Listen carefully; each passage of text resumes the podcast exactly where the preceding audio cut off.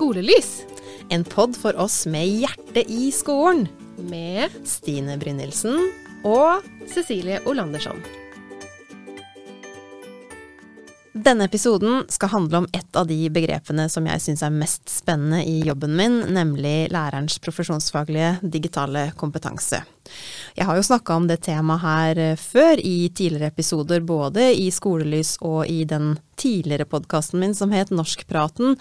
Men akkurat som med digitalisering i skolen generelt, eller rammeverk generelt, så blir man jo på en måte aldri ferdig med å snakke om denne type dokumenter. Og så er det jo også sånn at begrepet lærerens profesjonsfaglige digitale kompetanse, den er jo også et begrep som er i stadig endring. Og for å snakke om lærerens profesjonsfaglige digitale kompetanse, og nærmere bestemt det norske rammeverket for lærerens PFDK, som vi kanskje kan kalle det for kort, så har jeg vært så heldig og fått med meg Mariana Kelentrik fra Utdanningsdirektoratet, som er en av de som eh, har vært med helt fra starten i å utvikle det norske rammeverket for lærerens PFDK.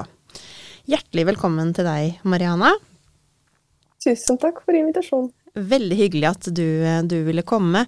Eh, og jeg tenker litt sånn før vi, vi starter med hvem, altså rammeverket, da, kan ikke du fortelle litt om, om hvem du er? Ja, eh, jeg er eh, seniorrådgiver som jobber nå eh, i Utdanningsdirektoratet med litt forskjellig, bl.a. med digitalisering i skolen og lærerutdanningene. Og det har jeg jobbet eh, lenge med, eller i de siste ti år i hvert Mhm. fall, i Norge.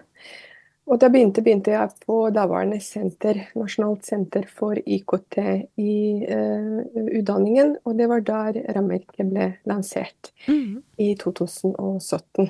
Ja. Hva, hva, hva drev du med før du, du havna der, da? Eh, Jeg er utdannet lærer, jeg er lektor i informatikk og Ja. engelsk språk og litteratur. Og så har jeg master i eh, internasjonal eh, utdanning, eller utdanningsvitenskap og komparativ eh, forskning. Mm. Mm. Så, også hva, hva Altså, du sa noe om Senter for IKT eh, i, i læring og utdanning. Nei, Senter for IKT, hva er det riktige navnet? I, ja. ja. Eh, I, I 2013 eh, snakka du noe om eh, at da starta rammeverket, var det det jeg hørte? Eh, Nei, det var, da, det var omtrent da, da jeg begynte. men Det var da du selve- begynte. Det var først sånn at uh, senteret, daværende senter, uh, lanserte begrepet, og det var i 2012. Det var rett Ja. før jeg begynte å jobbe der. Mm. Og det var i en forbindelse med uh, høringsinnspill til uh, nasjonale retningslinjer, eller ikke retningslinjer, jeg tror det var forskrift om rammeplaner Mm. For uh, lektorutdanning, eller lærerutdanning 8 til 13. Mm. Og det var første gang at eh, begrepet profesjonsfaglig eh, var eh, lansert på en måte. Så hvis man søker på Google profesjonsfaglig, så finnes ikke begrepet før 2012. Nei. Så det var da eh, begrepet ble lansert i forbindelse med Larens digitale kompetanse. Mm. Eh, litt sånn pussig og komplisert begrep. Ja. ikke lett å uttale det. Nei, PFDK er litt lettere. Ja. Eh, og hensikten med dette innspillet til, eh, til forskriften var å synliggjøre betydningen lærens lærerens digitale kompetanse Mm. eh, har for digitalisering i skolen, og generelt for å, å hjelpe elever å nå kompetansemålene i læreplanene. Mm. Mm. Så, så hvordan kan du si litt mer da om din rolle i utviklingen av det rammeverket, eller hvordan på en måte man bestemte seg for å komme fram til at man skulle lage et sånn type rammeverk? Mm. Eh, Så da jeg begynte å jobbe på senteret, jeg var en del av eh, et team som jobbet med utvikling av eh, nasjonale prøver i digitale ferdigheter. Og vi utviklet også prøver for Oslo kommune. Um, veldig godt etablert team som jobbet veldig bredt og nøye, og vi var i kontakt med andre nasjonale sentre som utviklet andre nasjonale prøver, og Utdanningsdirektoratet. Mm. Og prøvene vi utviklet var eh, basert på læreplanene og eh, rammeverk for grunnleggende ferdigheter. Mm. som på en måte etablerte grunnlag for, for disse prøvene. Um, så da vi lanserte begrepet, så tenkte vi også det, det kunne være litt sånn interessant å utforske mulighet for å teste digital kompetanse til lærerstudenter. Mm. Men da hadde vi ikke noe faglig rammeverk, på en måte, på samme måte som vi hadde uh, for elever. Og da begynte vi å snakke om utvikling uh, av en slags uh, ramme for en sånn prøve. Og, det skjedde på en måte parallelt med senterets innspill til andre styringsdokumenter i lærerutdanningene. Retningslinjer for andre lærerutdanninger. Og da, vi, da, innså vi at det handler ikke bare om prøveutvikling, men det handler generelt om lærerens kompetanse, mm. om policyutvikling mm. på det feltet, ikke bare prøveutvikling. Og da endret vi på en måte um, Eller skiftet vi mot uh, å legge vekt på policyutvikling, og at uh, et sånt rammeverk er først og fremst et dokument som kan brukes i utvikling av styringsdokumenter, men kanskje også i prøveutvikling. Men da ikke av senteret, men kanskje lokalt. Mm. Og meningen er også ikke å teste lærere, for det var absolutt ikke noe vi skulle gjøre, men at det kunne eventuelt utvikles noen prøver for studenter. Mm. Selvevaluering og, og, sånt. Ja. Så lærerutdanninga, ja, lærerutdanninga var egentlig et, et utgangspunkt. Mm. Eh, um, og så, så, ble det jo til, til, mer, som du sier. Og første gang jeg møtte rammeverket, det var nok i 2017. Var, da var det ganske ferskt, for det, kom, det var jo ferdigstilt mm. Eh, og mm. ble publisert første gang i 2017. Og da møtte jo jeg det som lærer og tenkte yes, endelig er det noen som på en måte prøver å forklare og, og, ramme inn da det store, store begrepet som er profesjonsfaglig digital kompetanse. Eller jeg likte veldig godt at jeg i det hele tatt fikk et begrep å forholde meg til. Um, og bare sånn kjapt da, for de som ikke ser for seg det rammeverket nå, så, så, så ligner det jo på en måte litt på en læreplan. Eh, altså Hvis man jobber i skolen, så tenker man kanskje at det er en læreplan. Hvis man jobber i lærerutdanninga, så tenker man at det er noen læringsutbyttebeskrivelser, eller lubber. Og det er jo delt inn da i de her syv ulike, eh, syv ulike områder som, som det vel står at til sammen viser hva slags type kompetanse læreren bør ha. Og så er det noen, eh, noen kompetansemål knytta til hvert av de ulike områdene. Eh, Hvorfor ble det akkurat sånn, det rammeverket? Altså hvorfor endte det opp med den formen eller fasongen? Mm. Um, da vi satte i gang arbeidet med rammeverket, så tittet vi litt internasjonalt uh, hva andre land gjør på det området. Mm. Og da oppdaget vi at det, det, er noen land som bruker eksisterende internasjonale rammeverk utviklet av noen internasjonale organisasjoner som europeisk kommisjon eller Unesco mm. eller uh, noen andre standarder, standarder uh, f.eks. utviklet av andre land, som ISTE-standarder, som er ganske kjent, utviklet i USA. Så det er noen land som uh, tilpasser, som tweaker litt på disse internasjonale standarder, mm. standarder til nasjonalt kontekst så er det noen land som uh, valgte å utvikle egne rammeverk helt fra scratch. Mm. F.eks. oppdaget vi Sør-Korea, som hadde sitt rammeverk, Teachers eh, Competency Framework for Smart Education. Og så var det interessant case var også Slovenia, som hadde um, en hel pakke med tre ulike rammeverk rettet mot uh, lærere, eh, rektorer eh, og eh, IT-ansatte på skolen. Dette var veldig interessant, men det som var mest interessant, og som på en måte tilsvarte veldig Eller harmoniserte godt med norsk kontekst, var et rammeverk vi oppdaget i Australia. De hadde det som kaltes for Australian Professional Standards for Teachers. Mm -hmm.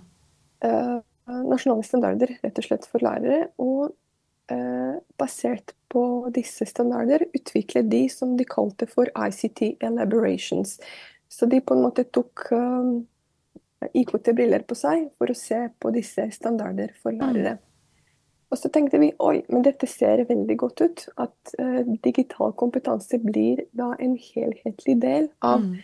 Eh, lærer, lærerens profesjon. At det er ikke noe bare på siden som Nei. læreren kan velge eller velge bort. Mm. Um, og, og det er egentlig grunnen til at rammeverket ser ut som det ser ut. fordi da, da gikk vi tilbake til norsk kontekst. Og hva er egentlig standarder i Norge? Det er forskrifter og retningslinjer Mm. uh, for lærerutdanningene. Uh, det er læreplan. Eh, og så oppdaget vi også stortingsmelding eh, om lærerrollen, som definerte syv kompetanseområder. Mm.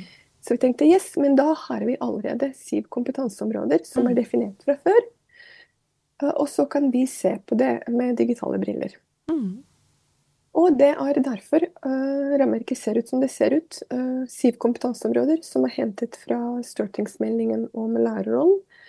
Og så er det inndeling eller konstrukt som består av eh, kunnskaper, eh, ferdigheter og generelle kompetanser som tilsvarer til struktur i retningslinjer og eh, forskrifter om rammeplaner, slik at det ble lettere på en måte å integrere PFDK i Mm. disse styringsdokumentene. Og det var primært hensikt med rammeverket.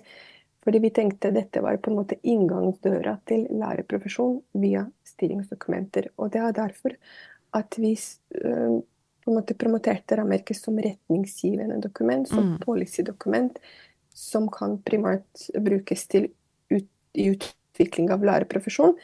eh, og av de som jobber med kvalitet i eh, lærerutdanning og eller grunnutdanning av lærere og videreutdanning av lærere. Mm.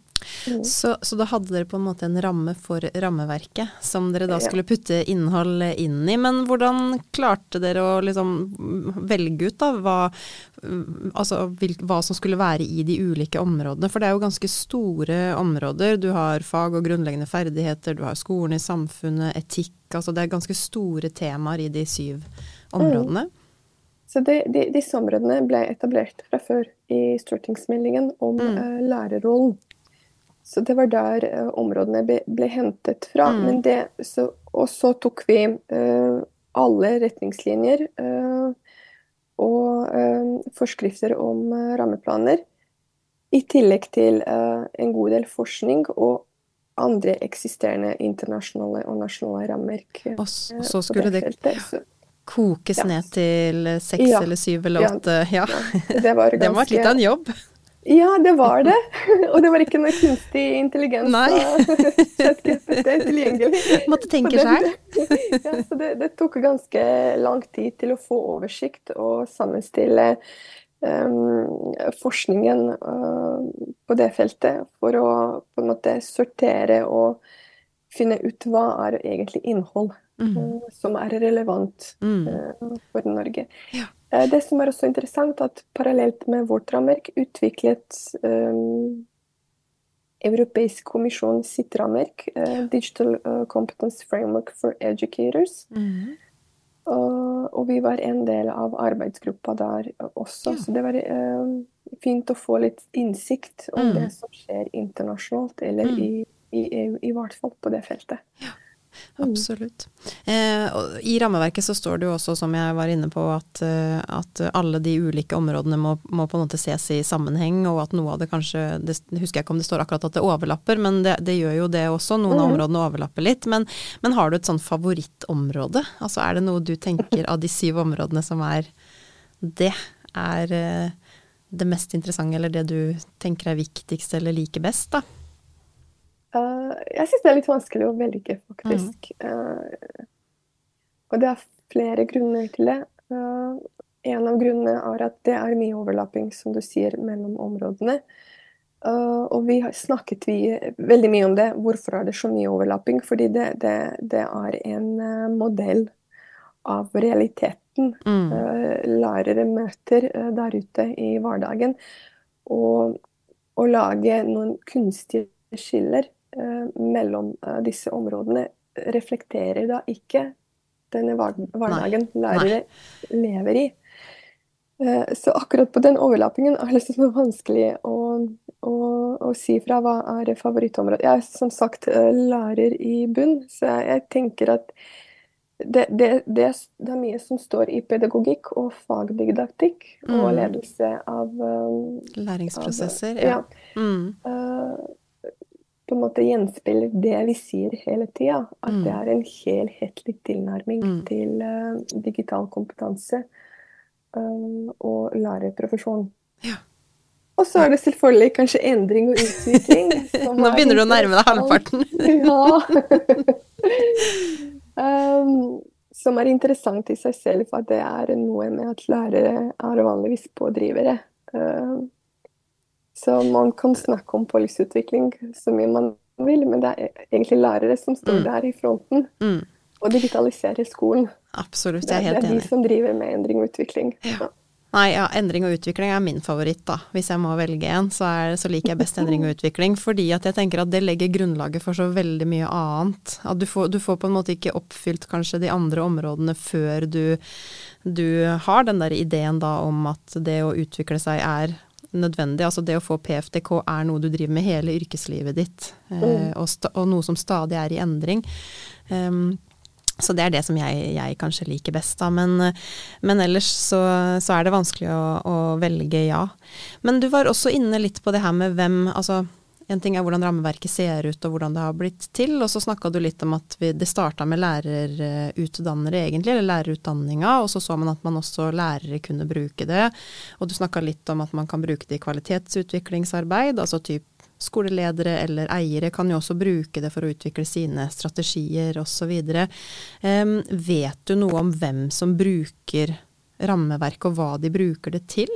Uh, og er det noe som liksom har overraska deg, eller har det vært noen uforutsette bruksområder? Ja, så det, det, er to ting som vi har eh, snakket allerede om, og det er overlapping. Og vi mm. fikk ganske mye eh, kritikk for det. Ja akkurat for overlapping at det gjør det vanskelig å ta det i bruk av mm. andre målgrupper enn vi så for seg da okay. vi utviklet rammeverket. Så det ble utviklet, som sagt, med tanken på nasjonale forskrifter og retningslinjer. Mm. Og utvikling av programplaner uh, ved lærerutdanningene. men rammeverket ble også referert i nasjonale strategier ja. Eh, om digitalisering. I barnehagen, skoler, i lærerutdanning og i, i høreutdanning generelt. Og så er det disse lokale planer og strategier som lages i kommuner og fylkeskommuner, uh, som bruker eller refererer til rammeverket. Uh, vi tenkte ikke på det da vi laget rammeverket. Det er veldig interessant. og vi fortsatt vet ikke så mye om Fordi det er så fargerikt. Mm, ja. Og det er veldig vanskelig å få oversikt over uh, hva, hva, er det de egentlig driver med når de mm. sier at de bruker rammeverket i kommuner. Mm. Og så Vi tenkte ikke heller at rammeverket skulle bli brukt internasjonalt i utvikling av uh, uh, rammeverk i EU. Så vi var etterpå også i ulike working groups i Europeisk kommisjon som jobbet bl.a. Med, med utvikling av DIGCOMP rammeverk. Det, mm. det tilsvarer rammerk rammeverk for grunnleggende ferdigheter, eller grunnleggende digitale ferdigheter, mm. I Europeisk kommisjon. Og så er det, eh, rammeverket også brukt i forskning. Ja. Uh, og der får vi også mye kritikk. For, ja. for fordi det, det, er mange som sier men denne modellen uh, er ikke bra for forskning. Det, det kompliserer mye, det er mye innhold. Og, men rammeverket ble, ble, ikke utviklet som et uh, teoretisk rammeverk, eller en teoretisk modell som skulle brukes i forskning. Det var ikke, det var ikke hensikten med det. Men det, det, noen bruker det. Uh, og den brukes i nasjonale spørreundersøkelser om mm. digital tilstand i skoler. Uh, og så brukes det Jeg merker også det er mange referanser. Vi har eh, gått over til 150 referanser i ulike vitenskapelige artikler. Både mm. nasjonalt og internasjonalt. Hvordan, hvordan, føles det å ha vært med på å lage noe som blir brukt så mye, altså som, uh, som, har spredt seg på den måten? Uh, det, jeg synes det er veldig interessant, fordi det, Mm. det, dette er ikke utviklingen vi så hos seg. Men jeg husker da vi begynte å jobbe med det, så det var en av mine kollegaer som sa um, Da rammeverk for grunnleggende ferdigheter ble utviklet, uh, så så de ikke for seg at det skulle brukes til så mange ting. Så det kommer sannsynligvis til å skje med, med dette rammeverket, og så, så, sånn ble det. Sånn ble det. Ja. Men, men hva tror du det kommer av da? At, eh, at rammeverket slår an, eller at man eh, bruker det? Det blir kritisert som du sier, men det, det blir jo også hyppig brukt og, eh, og satt pris på. Da. Hva er det som gjør at, at det trengs? Jeg tror det er akkurat det du sier, at det endelig uh, Da det ble lansert i 2017, så kunne man få noe konkret hva dette handler om. Først hadde vi dette kompliserte begrepet uten innhold, Mm. og så plutselig fikk vi rammer og innhold om øh, hva dette handler om. Um, Jeg var på et seminar på Oslo Met øh, denne høsten, hvor det var en av lærere, jeg tror det var faktisk fra, øh, fra Høgskolen i Oslo nå, i Østfold, som, um, som snakket om bruk av rammeverket i egen arbeid. Mm. Og hun tok ut uh, konkrete beskrivelser fra rammeverket og forklarte hvordan hun jobber med det i klasserommet. Mm. Og jeg, ble, jeg hadde liksom helt wow-effekt Ja. av, av hennes presentasjon. Tenk at det er noen lærere som sitter i klasserommet og tar i bruk rammeverket. Jeg, jeg så, for å være helt ærlig, jeg så, jeg så det ikke for meg. Fordi eh, begrepsapparatet vi, vi brukte i, i første versjon er ganske komplisert. Det er Mm. policyspråk. Mm. Det er ikke hverdagsspråk.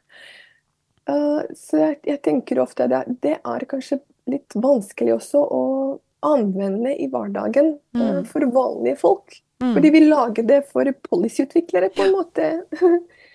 Ja, nei, jeg, mm, ja jeg, jeg kjenner jo igjen det du sier, men jeg tenker at eh, altså for lærere sin del, da så er man på en måte vant til å bryte ned i, i mindre bolker, altså store kompetansemål, så det kan jo hende at det er en av grunnene til at det har appellert eh, allikevel, selv om det er komplisert språk. Men jeg tenker at det først og fremst handler om at når du skal jobbe med noe så stort og komplekst, så trenger man på en måte et språk generelt. Da man trenger noen begreper, man trenger noen rammer for å kunne snakke om hva er det vi snakker om når vi snakker om digitalisering i skolen f.eks. Eller hvor kan jeg i hvert fall starte å utforske min digitale kompetanse og utvikle ikke minst min digitale kompetanse. Fordi hvis man liksom ikke har noe språk og ingen rammer, så blir det jo så stort og abstrakt at det kanskje kan bli vanskelig å starte, da. Så jeg, jeg har jo også vært borti vi bruker, vi bruker jo rammeverket når vi utvikler emnene våre f.eks. I, i de MOOC-emnene. Eh, Vi har også brukt rammeverket i det store Digilu-prosjektet, altså digitalisering i lærerutdanninga som vi hadde for noen år siden, som jo du også var en en viktig del av. Uh, og jeg vet også om skoler som bruker det i sine strategier osv. Så, videre, og så, videre. så det er noe med å liksom få noe grep da, på noe som er stort og komplekst, og få et sånt felles språk. Så det, det, det overrasker ikke meg sånn sett, at det har blitt brukt og brukes eh, mye. Men, det, men det som, ja, bare en ting som jeg syns også er interessant angående begrepsapparatet. Fordi vi har glosser i rammeverket. mm, hvor vi definerer en del eh, begreper som brukes i rammeverket, som f.eks. hva er digital kompetanse, hva er digitale verktøy, og hva er f.eks. kunstig intelligens i den Mm. versjonen. Og da vi utviklet eh, dette glosseret, så tenkte vi primært på rammeverket. Dette er en slags ordbok som eh, går hånd i hånd med rammeverket. Men det vi ser nå, er at eh, definisjoner som står i dette glosseret, brukes overalt. ja. Enda en utilsikta eh, Så det var også litt overraskende at eh, vi på en måte traff såpass godt med mm. disse beskrivelser at de passer ikke bare til rammeverket eller konteksten i rammeverket, men generelt andre steder mm. hvor det snakkes om eh, digitalisering. Mhm. Mm. Og nå var jo du inne på, du nevnte to stikkord nå. Du nevnte revidering og du nevnte KI. Fordi altså det som er med et sånt rammeverk da, for lærerens PFDK, det er jo at det må jo stadig oppdateres. Det står også innledningsvis i rammeverket at det her er et rammeverk som man tenker at man, man må oppdatere. Og nå har det jo vært eh, en stor runde som snart er over, med revidering av rammeverket. Um, kan du fortelle litt om det revideringsarbeidet? Mm. Så vi, vi, startet med det i fjor, internt i Judir. Vi begynte å snakke om uh, behov for revidering. Og så var vi i gang um, rett før uh, digitaliseringsstrategien uh, ble lansert. Vi var involvert i utvikling av strategien. så mm så måtte vi sette på is på en måte arbeid med rammeverket for å gi innspill først og fremst til digitaliseringsstrategien for barnehager og skoler. Og da var vi igjen i gang etter at strategien ble lansert. Og først hadde vi en intern runde. Vi har opprettet en intern arbeidsgruppe som gikk på tvers av uh, tre eller fire divisjoner og ni avdelinger, hvis jeg husker riktig, i UDIR. Mange ja. flinke fagfolk som har noe å, å si om digitalisering. Uh, og vi laget en slags utkast. Rammene vi fikk for uh, oppdateringen, var at vi skal beholde at vi skulle beholde eh, syv kompetanseområder, og at vi mhm. skulle beholde strukturen. Og Grunnen til det er at det funker fint. Det er i hvert mm. fall uh, tilbakemelding vi fikk. Så da valgte vi å beholde.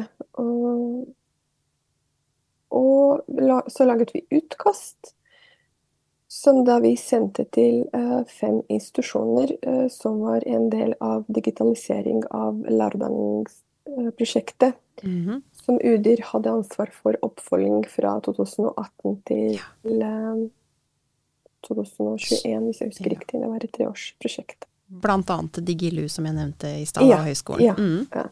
Så da valgte vi dere fem Uh, for å lufte, på en måte ja.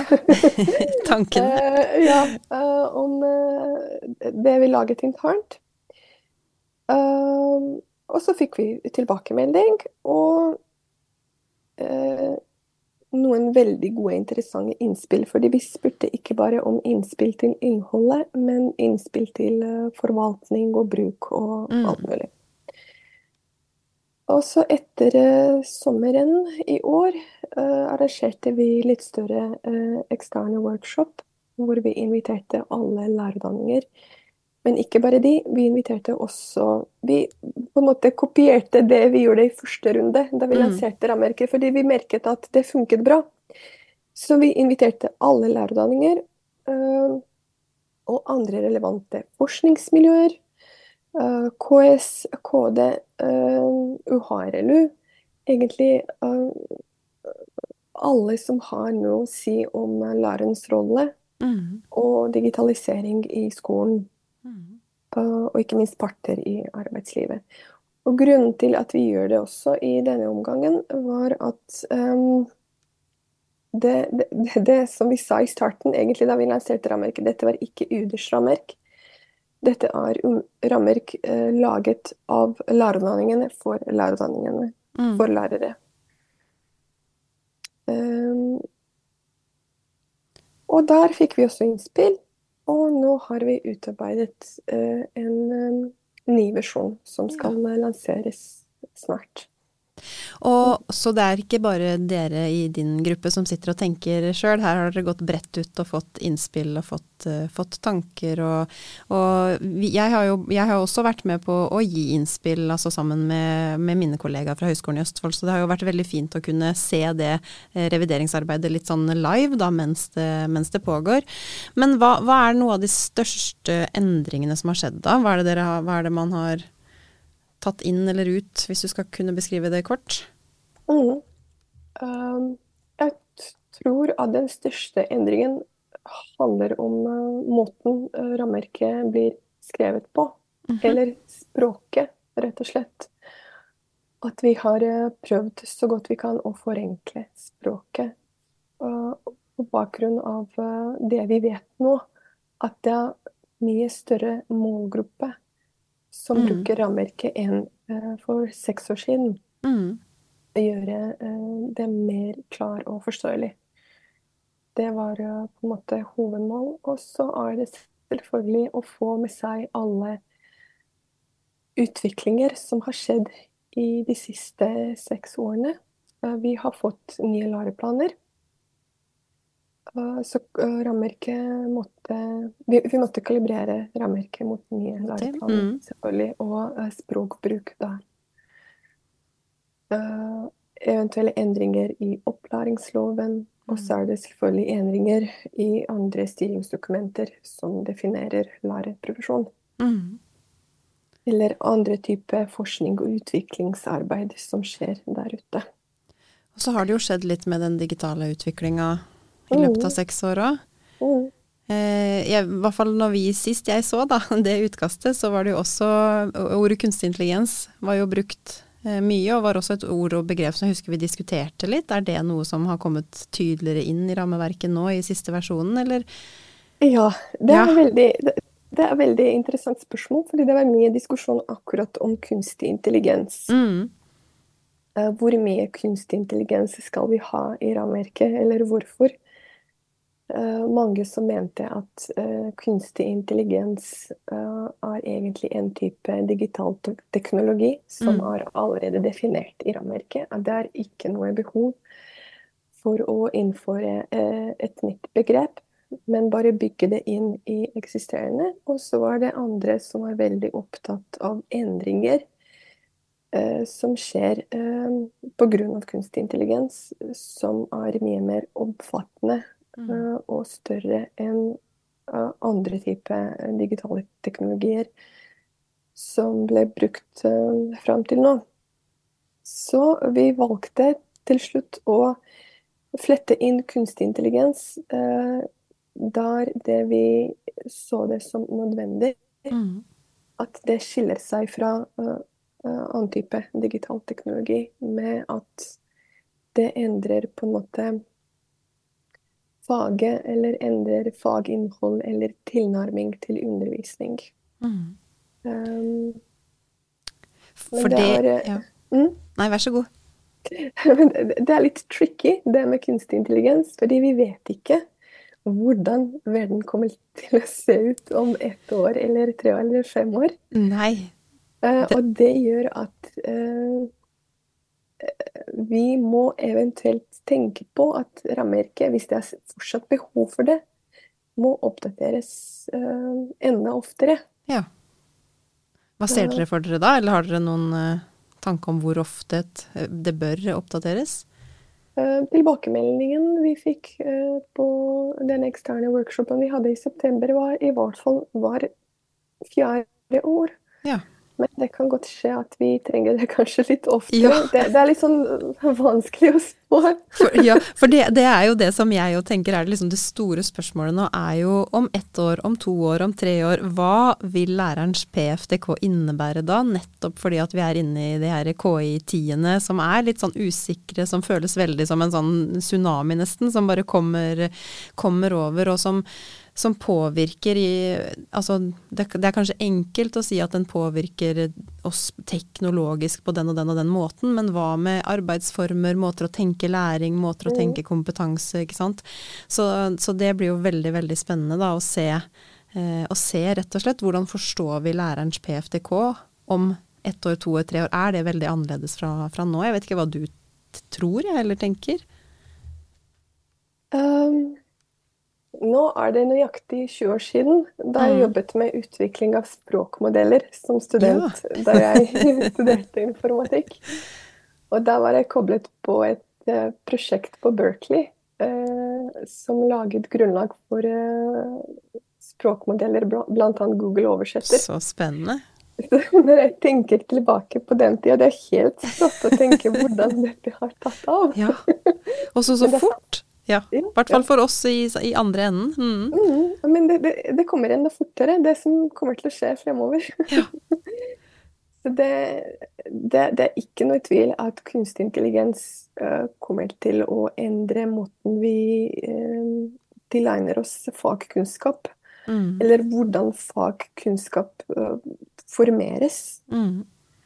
og så er det noen sånn typiske spørsmål og problemstillinger man er opptatt av i dag, og det er vurdering. Og det er en diskusjon jeg er veldig glad for. Uh, um, at det er faktisk kunstig, intelligens som satte i gang denne diskusjonen. Mm. Eh, fordi vurdering er også en viktig del av lærerrollen, tenker jeg. Så det, det kommer til å, til å endres eh, betraktelig fremover. Mm. Så det er eh, sånne type eh, egentlig ganske generelle påstander som vi eh, trekker frem i rammeverket. Eh, fordi det er vanskelig å se for seg eh, hvordan verden kommer til å se ut. Og, eh, og så prøver vi å lage noe som skal være aktuelt i ett eller to år fremover. Ja. Ja, ja, det er det. Krysser fingrene. Alle som på en måte jobber med eller skriver eller eh, lager noe om, om KI nå, da, og særlig de store eh, språkmodellene, altså chatbotene, det er jo det som vi kanskje merker mest. Det må nok revidere og endre ganske mye, Mm. sånn Det føles nesten fra uke til uke innimellom. Mm. Um, så det, er, det skjønner jeg at det er et dilemma, at det skal være et rammeverk som skal vare en stund, samtidig som det skal kunne revideres. Det skal være åpent, samtidig som det skal gi retning. Altså det, er, det er mange store dilemmaer som dere må, må håndtere da, i det arbeidet. Det var mange darlings. Ja, mange darlings som må drepes. Ellers så kunne det ende opp med det enorme dokumentet som, som ingen hadde orka å lese. Det går ikke. Det går ikke. um, men hvis vi bare sånn helt avslutningsvis, da. Um, for en ting som jeg har tenkt på mye, er jo at ok, vi har et rammeverk for lærere som har veldig fokus da på lærere eller lærerstudenter. Uh, og lærerens PFDK, altså litt sånn Det har jo en ganske sånn individsentrert eh, fokus på lærere. Men det finnes jo ikke noe tilsvarende rammeverk for skoleledere eller for skoleeiere, eller altså hvorfor finnes det bare et rammeverk for, for lærerne? Um, ja, jeg, jeg er ikke helt sikker på at jeg er riktig person Nei. på det spørsmålet. Nei, det var, det var ikke noe sånn pekefingerkritikk, altså. Det var bare av ren nysgjerrighet, eller for å høre hva Det Ja, det, det er lurer jeg også på. Men Ja. det, jeg tenker at det er mye som er allerede definert i, i, i digitaliseringsstrategien. Ulike Mm. roller og ansvar. eh, hvem eh, skal gjøre hva når det gjelder digitalisering i skolen. Så der står det noen eh, retningslinjer, på en måte. Mm. Hvem har ansvaret for hva. hvis man går litt tilbake til strategier og andre strategidokumenter før, handlingsplaner og sånt. Um, men det vi prøver eh, å gjøre i denne nye versjonen av rammeverket, eh, er å plassere mer tydelig lærerens profesjonsfaglige digitale kompetanse eh, innen skolen som organisasjon. Ja, så bra. Hvor vi prøver å si at det er ikke bare opp til lærere eh, eh, å drive med digitalisering. At det er andre som har sine roller og ansvar og plikt eh, til å eh, gjøre jobben sin eh, for at eh, utviklingen går eh, fremover. Mm. Og at det går i riktig retning. Og Mm. at eh, det hjelper lærere eh, og elever til å nå eh, kompetansemålene i læreplanene. Fordi det, det er hensikten med Mm. skolen, egentlig. Mm. Ja. Nei, jeg, jeg jo tenker det at det å utvikle PFDK i fellesskap, altså i profesjonsfellesskapet, det er jo kjempe, kjempeviktig, selvfølgelig.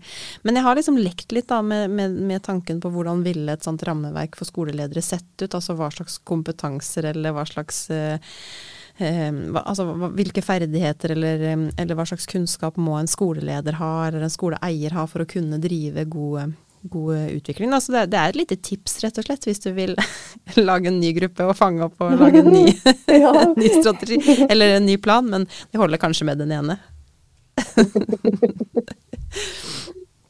Uansett, ja, vær så god. Eh, UDIR eh, har eh, en modul for eh, skoleledere. Mm. eh, Videreutdanning for skoleledere eh, som heter eh, eh, digitalisering eh, i skolen, eller skolen og digitalisering. Og der brukes faktisk PFDK-rammeverket Ja, eh, som for- eh, en av grunnlagsdokumenter til modulen for videreutdanning av eh, rektorer, bl.a. Så det, det, det er kanskje litt mat i Mm. selve rammeverket for Mm. lærere, for eh, skoleledere også. Men det finnes også en god del forskning som, eh, som handler akkurat om det. Eh, Jeg tror det var Monitor, skole Mm. En rapport som ble lansert i 2016. Eller denne versjonen i hvert fall, fra 2016, som drøftet fem områder som handler om digitalisering i skolen og ulike faktorer som påvirker eh, digital modenhet i skolen. Og mm. der står det kanskje en del svar på det du spør om. Hva mm. er det andre bør kunne om mm. digitalisering? Og så er det et uh, internasjonalt rammeverk uh, fra EU-kommisjonen som heter uh, DigComp.org, eller Digitalt kompetente organisasjoner, som er ganske overlappende Eh, med denne modellen fra eh, Skolemonitor. Eh, som også sier noe om planlegging, organisering, kompetanseutvikling i skolen.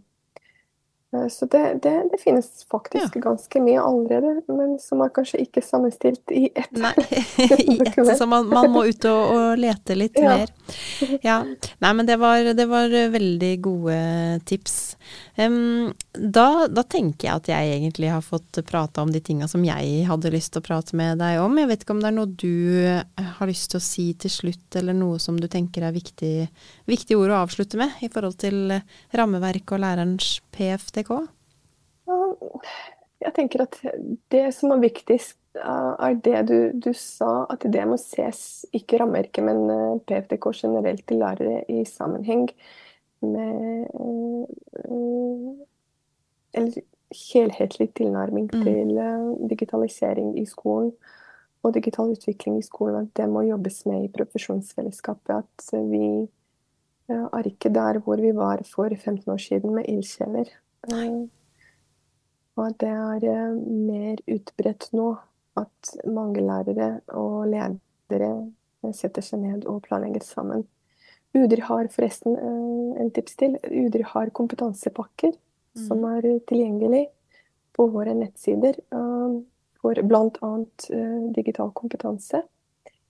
Og tanken bak disse kompetansepakkene er at hele profesjonsfellesskapet skal sette seg ned og gå gjennom mm. kompetansepakkene sammen. Og det tenker jeg er eh, kjempeviktig, og jeg er helt enig med deg at det har skjedd ganske mye i løpet av de siste 10-15 åra i forhold til at man har gått fra å bare i anførselstegn være ildsjeler til nå å jobbe mer systematisk og litt mer tydelig i profesjonsfellesskapet. Og der tenker jeg at eh, der er både muligheten og fallgrubben nå, når kunstig intelligens har kommet sånn eh, som den tsunamien inn i, inn i bildet, at um, de skolene som da kanskje har vært flinke til å bygge opp et sånn type profesjonsfellesskap, kanskje står litt bedre rusta til at man ikke går tilbake til å få det her store strekket i laget, da, eller til å få de her ildsjelene som driver med KI, men at man kanskje klarer å se at det her må vi jobbe med sammen. For det tenker jeg jo kan være en fare nå med eh, kunstig intelligensen sitt inntog, at vi nok en gang får de her ildsjelene som tester ut og prøver mye, og de som føler at de eh, helst vil holde igjen eller ikke tør eller våger eller klarer. Så det det må være, være målet, at man fortsetter å jobbe i profesjonsfellesskapet, for det tror jeg man trenger framover. Mm. Da sier jeg tusen takk for at du eh, kom på besøk i poden vår, Mariana. Det var hyggelig. Skolelys. En pod for oss med hjertet i skolen. Med Stine Brynildsen. Og Cecilie Olandersson.